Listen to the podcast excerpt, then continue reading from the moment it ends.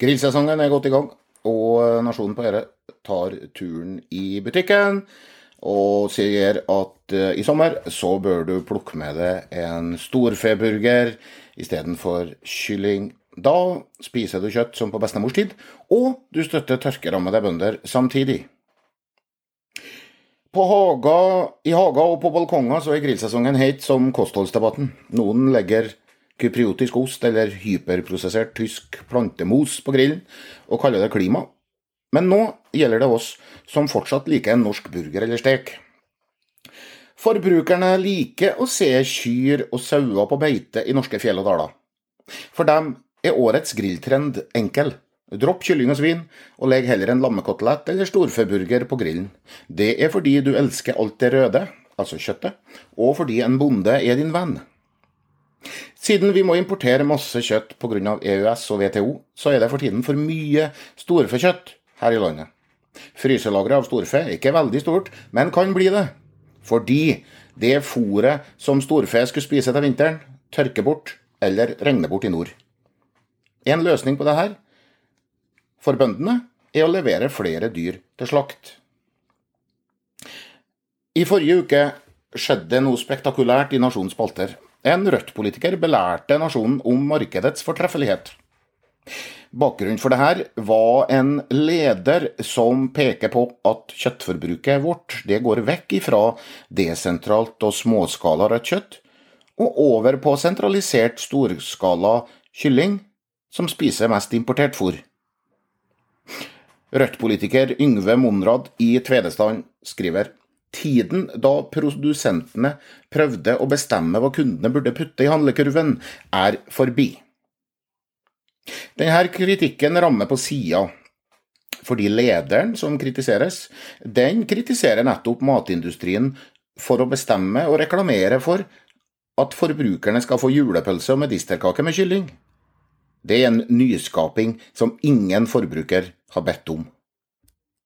Men kritikken er like fullt interessant, fordi den viser at troen på forbrukernes uinnskrenkede makt over maten finnes overalt, selv på ytre venstre.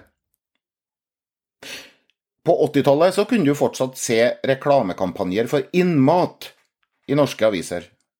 Befolkninga hadde da begynt å reise til Costa del Sol og har fått smaken på entrecôte med bearnés.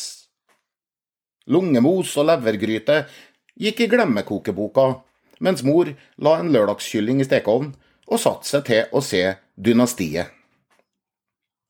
Men fortsatt fantes det fabrikksjefer og samvirketillitsvalgte som hadde kjent matknapphet i magen, og som ville at hele dyret skulle spises opp, så derfor pusha næringa innmat.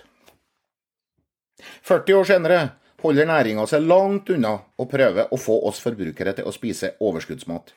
Kunden er sjefen er mantraet. Men det var ikke forbrukerne som endra kornpolitikken tidlig på 90-tallet, sånn at kraftfôr ble billig, og kyllingen og svina som kunne spise det, likeså. Det var Brundtland-regjeringa som gjorde. Forbrukerne vil ha kylling, men forbrukerne har altså ikke bedt om å få medisterkaker og julepølser av kylling. Det er industrien som har laga dem og prisa dem opp i handlevogna til folk på bekostning av den ekte, men dyrere varen. Denne uka hadde Dagsavisen på et tidspunkt to kommentarer på fronten sin som forsvarte moralisering i matfatet.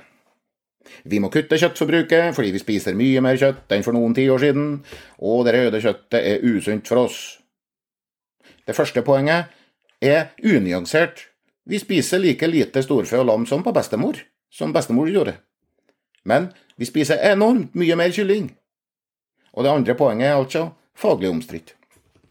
Det interessante er uansett at pekefingeren ved spisebordet blir stadig mer akseptert. Oslo-byrådet har gått enda et skritt lenger, og nekter nå barn å få kjøtt i barnehagen, mens eldre og pleietrengende får sin kjøttservering halvert ifra byens kantiner og storkjøkken. Så langt later Oslo-folk til å ta det her helt med ro.